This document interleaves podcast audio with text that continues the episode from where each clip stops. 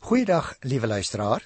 Ons gaan voort met ons belangrike gesprek oor die posisie van Israel of as jy wil, die posisie van Jode voor God in die tyd nadat die evangelie bekend geraak het. En ek het 'n vorige keer gesê dit handel van hoofstuk 9 in die boek Romeine tot aan die einde van hoofstuk 11.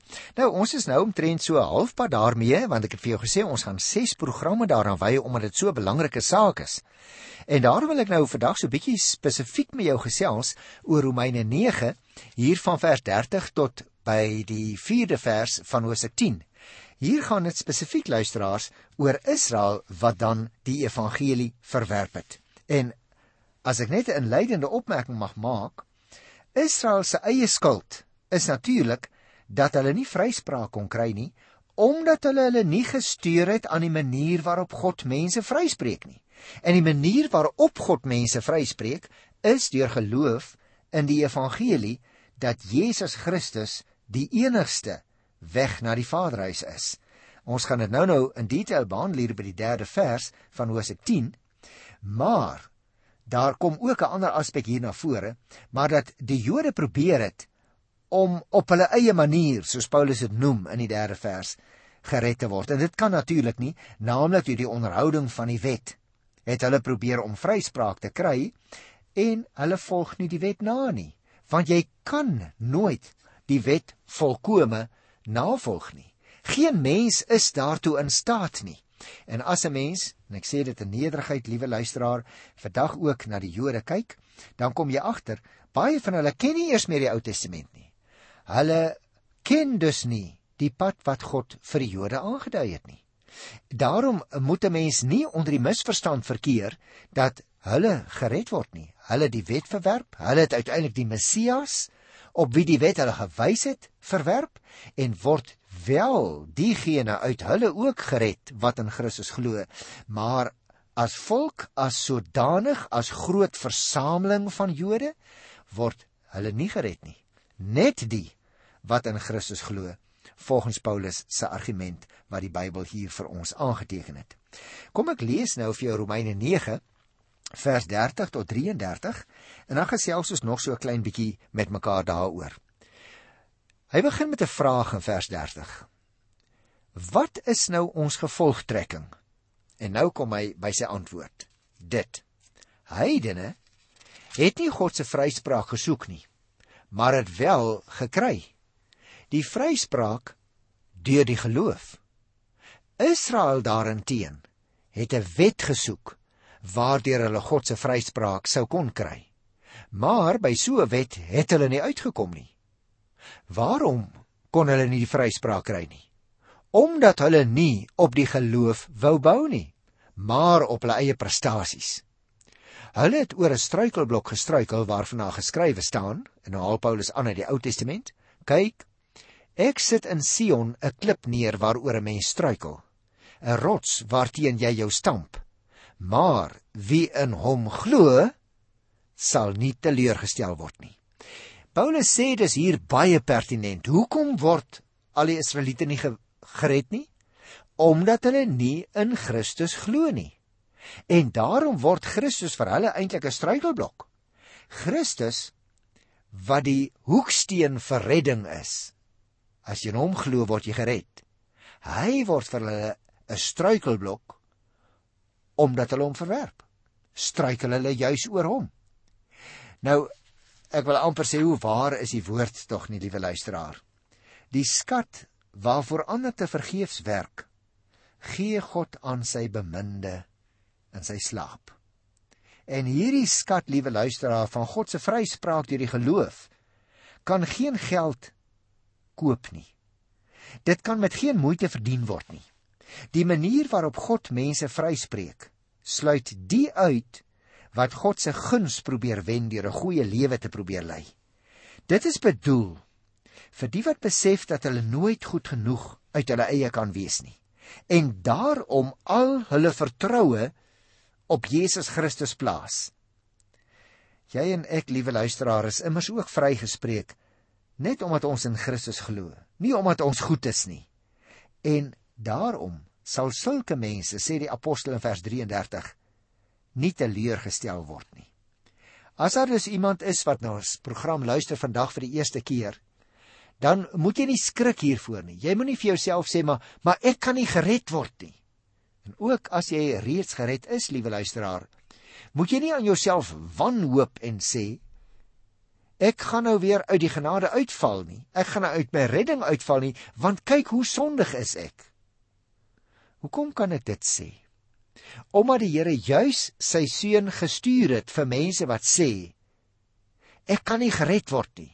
Nee, jy kan gered word as jy in sy seun glo. En as jy klaar gered is, sê jy maar Maar gaan ek nie dalk weer uit die genade uitval nie?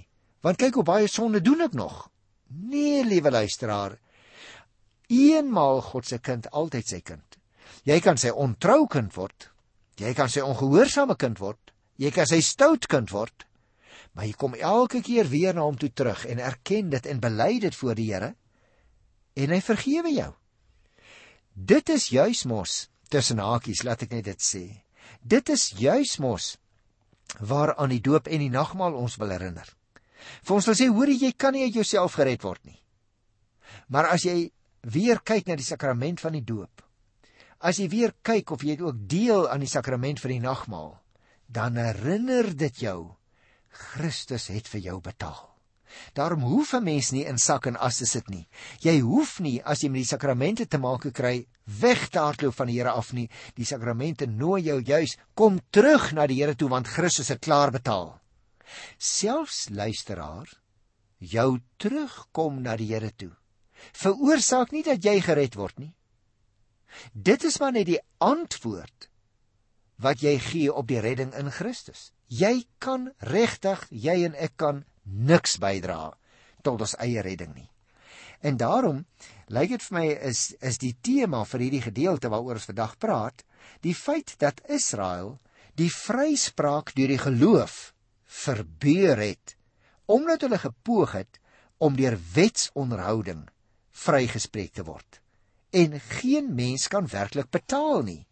Daarom het die Here Jesus gekom en het hy met sy sondelose liggaam en bloed 'n volkomme prys betaal.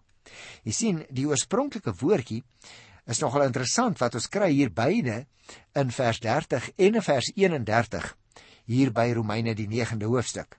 Ons vertaal dit met gesoek. Dit beteken eintlik 'n ernstige najaag met die inset van al ons kragte dat die heidene die vryspraak waarna hulle nie gesoek het nie gekry het soos Paulus hier sê klop dus volledig met die feit dat die vryspraak deur die geloof staan daar geen produk van eie prestasie is nie. Maar dis 'n genade geskenk hierdie redding. Israel skryf Paulus wou God se vryspraak deur die wet probeer verkry maar hulle het nie daarin geslaag nie. Kyk weer in vers 31 en hy hy sê dan ook hoekom hulle nie geslaag het hy sê die rede hiervoor is dat hulle nie op die geloof wou bou nie, maar op hulle eie prestasies. Met ander woorde, hulle het gedink wetsonhouding gaan daartoe lei dat hulle gered word en dit kan nie. Hulle ongeloof kom daarin tot uiting dat hulle gestruikel het oor Jesus Christus. Lees weer vers 4. Die Ou Testamentiese aanhaling is 'n samestelling luisteraar uit Jesaja 8 vers en ook uit Jesaja 28 vers 16. Paulus voeg daardie twee uitsprake saam in een uitspraak. Ons moet ook onthou die destydse Jodendom word hier as dit ware uh, voorgestel as hulle struikel oor die klip. Wie's daardie klip in vers 33? Dit is die Messias. Want dit is hy wat gekom het vir wie hulle nie wou aanvaar as die Messias nie En daarom sê Paulus nou, man, hulle het gestruikel oor Christus. Hulle wou hom nie aanvaar nie. En toe die Messias gekom het, het hulle toe oor hom gestruikel. Wie egter voeg Paulus nou by in die 33ste vers op hierdie klip, dit is nou Christus, sy vertroue stel, sal beslis nie teleurgestel word nie. Die Here Jesus, broer en suster, is 'n vreemde manier van sê, né? Maar die Here Jesus is dus die struikelblok. Die Jode het nie in hom geglo nie omdat hy nie voldoen het aan hulle eensydige verwagtinge vir die Messias nie. Hulle wou 'n leeu hê, nie 'n lam nie. Gaan kyk maar in Openbaring 5 vers 5 en 6. En daarom het hulle hom verwerp.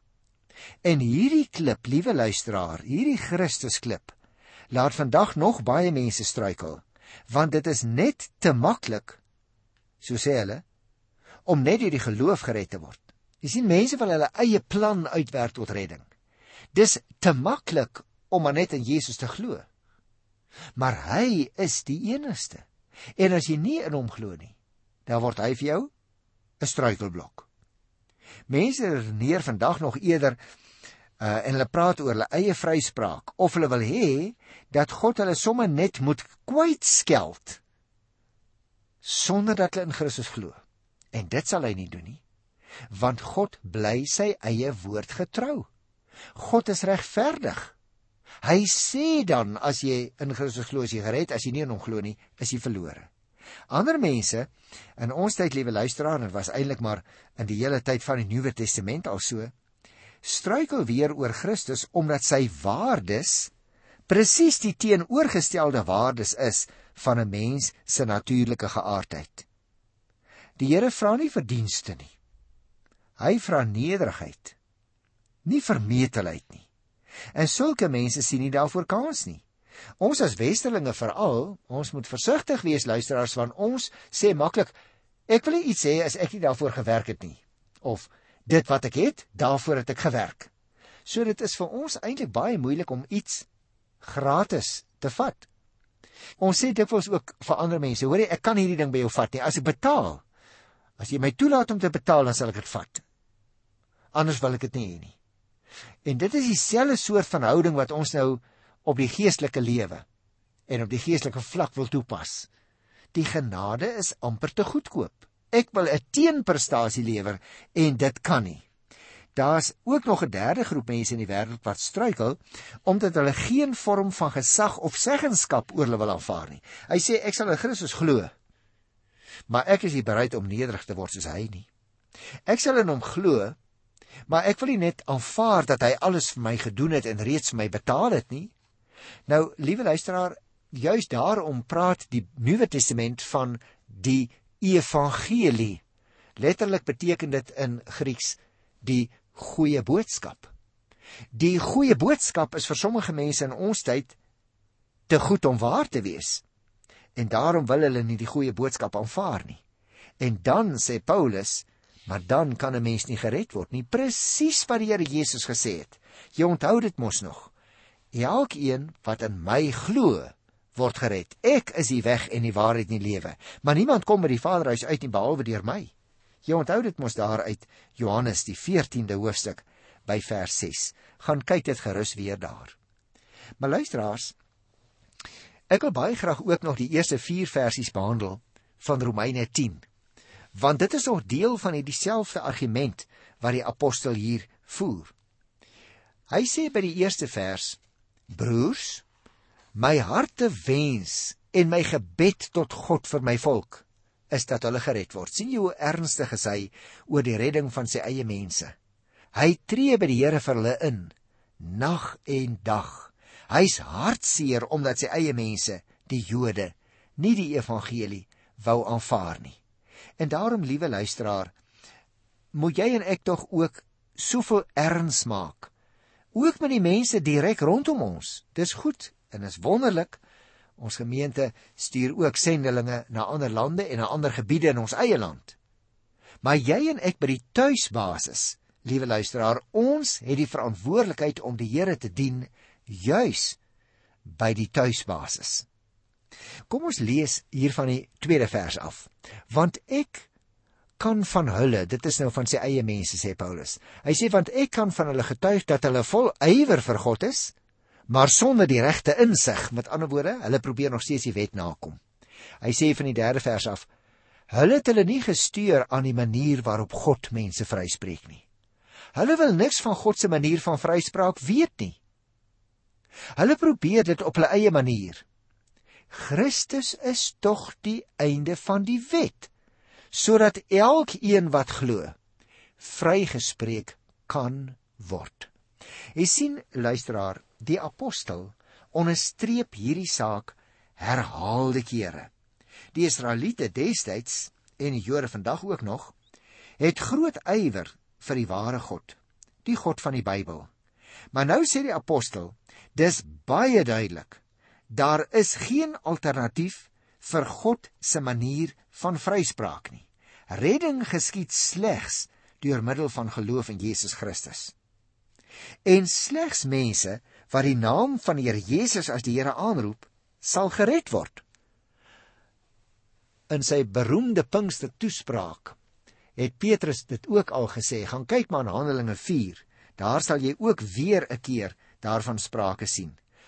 Daarom hou dit in, lief luisteraar, jy en ek moet ook besorg wees oor mense wat wel die God van die Ou Testament ken, maar Jesus Christus nie as die Here erken nie.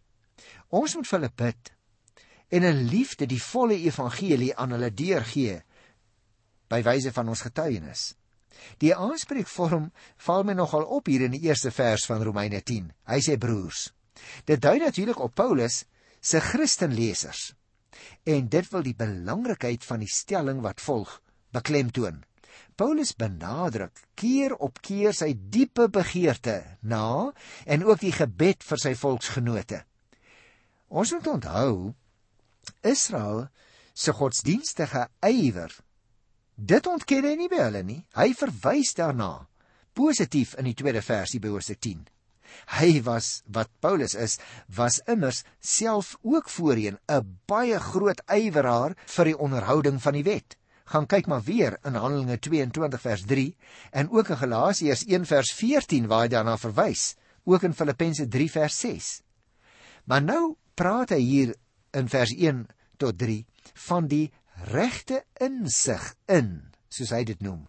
Die regte insig in en die erkenning van die ware wil van God. En dit is wat by die Jode ontbreek. Hulle probeer die die wet onderhou, maar hulle het nie die regte insig dat die wet eintlik op Christus dui nie, dat die wet eintlik vir hulle in die rigting van die Here Jesus wil stuur nie, so skryf Paulus in sy brief aan die Galasiërs.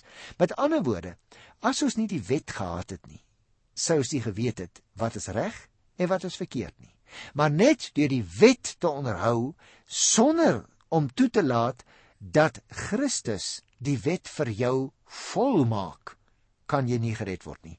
En daarom is dit die regte insig. Wat is die regte insig? Om Christus te aanvaar vir wie hy is. En dit ontbreek hulle. Hulle die Jode stuur hulle nie aan die manier so sê Paulus lees weer die derde vers ek haal dit nou letterlik aan.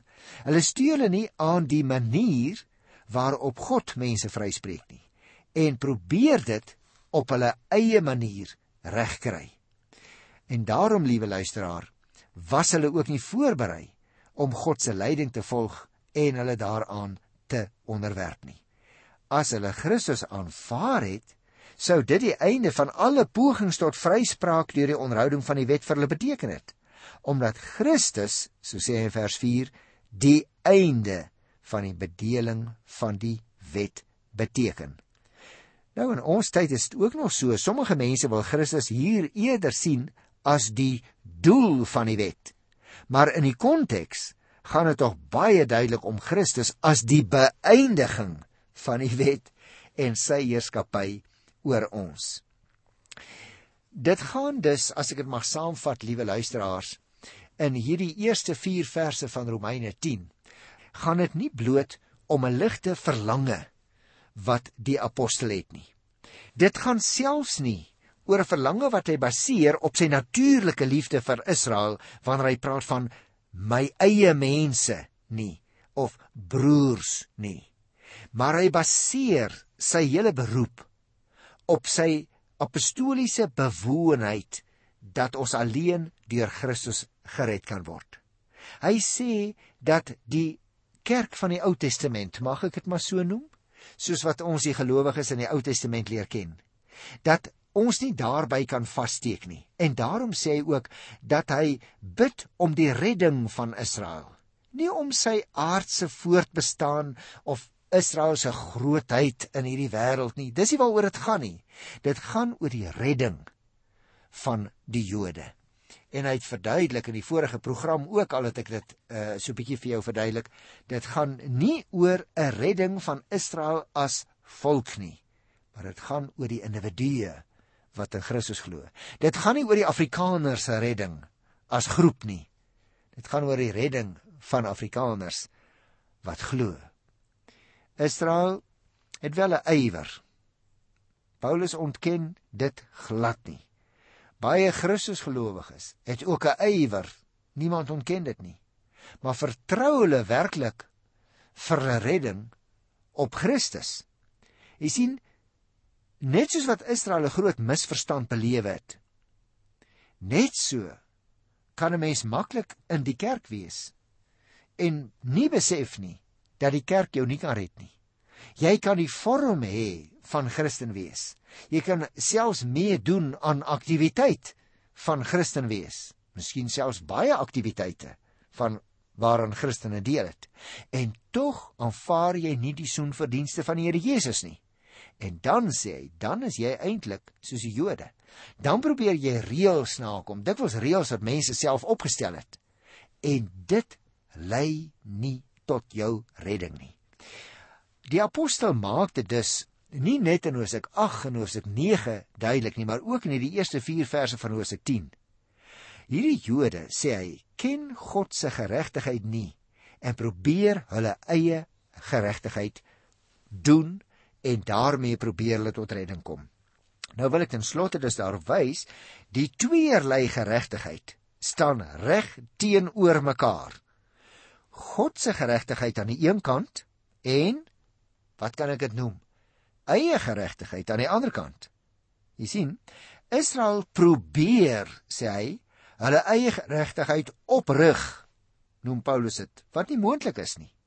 Daardeur misken hulle die geregtigheid van God en onderwerp hulle hulle nie daaraan nie, omdat hulle dit nie nodig ag nie. Geloof, liewe luisteraar, beteken dat 'n mens jou onderwerp aan God wat jou uit genade deur die koms en die soenverdienste van Christus red. Dat jy en ek telkens ook opgeroep word om ons weer en weer te stel onder die genade wat ons het in Christus. Dan red God ons, anders nie. Want dit wat die Here Jesus verdien het op Golgotha, dit is genoegsaam betaling vir jou en vir my redding. En dit wou Israel nie doen nie. Nogtans bid die apostel vir hulle dat hulle tot op datum verhard is. Dit is vir hom geen rede om nie te hoop dat dit tog ook anders kan word deur die Here se genade nie. Wat beteken dit vir jou en vir my as Christus gelowiges in hierdie tyd? Want dit gaan tog oor die Bybel vir vandag, liewe luisteraar. Dit beteken vir jou en vir my as ons iemand sien wie daardie persoon ook al is en uit sy of haar optrede kom ons agter hulle is glad nie gered nie dat ons sal bly getuig dat ons veral in 'n persoonlike gesprek oor met daardie mense in gesprek sal gaan om te vra het u al kennis neem? Weet u wie die Here Jesus is? En dan te getuig en te sê wat hy vir jou beteken. Want dit is net deur hom dat ons gered kan word. Maar dit beteken ook liewe luisteraar as jy en ek iemand teekom wat sê dat hy 'n Christen is, maar sy optrede is in stryd met die lewenstyl en met die lewenshouding en met die gesindheid van 'n Christen, soos wat die Bybel dit vir ons beskryf, dan moet ons ook begin nommer 1 om vir daardie persoon te bid, soos wat ons leer Paulus hier doen. Die eerste vers van Hosea 10 sê hy bid vir sy mede-Jode genote. Maar dit help nie ons bid net nie. Ons moet ook praat. Ons moet ook getuig. Ons moet seker maak dat hierdie persoon wat sê dat hy 'n Christen is, maar so vreemd optree, regtig verstaan wat die konsekwensie van die evangelie is. En liewe luisteraar, moet tog asseblief nie vir my sê broer Johan, maar ek het nou nie eintlik daai gesindheid nie.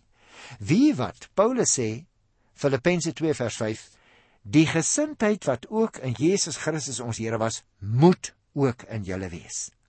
Ek moet dus nie net my dade en my lewe nie, maar ek moet my hele gesindheid stel onder die gesag van die Heilige Gees ek moet onder die sproei van die Heilige Gees lewe elke dag, dan sal mense van self agterkom wie Jesus Christus is en wat die goeie boodskap vir jou en vir my beteken. Ek groet jou op daardie noot in die wonderlike naam van die Here. Tot volgende keer. Totsiens.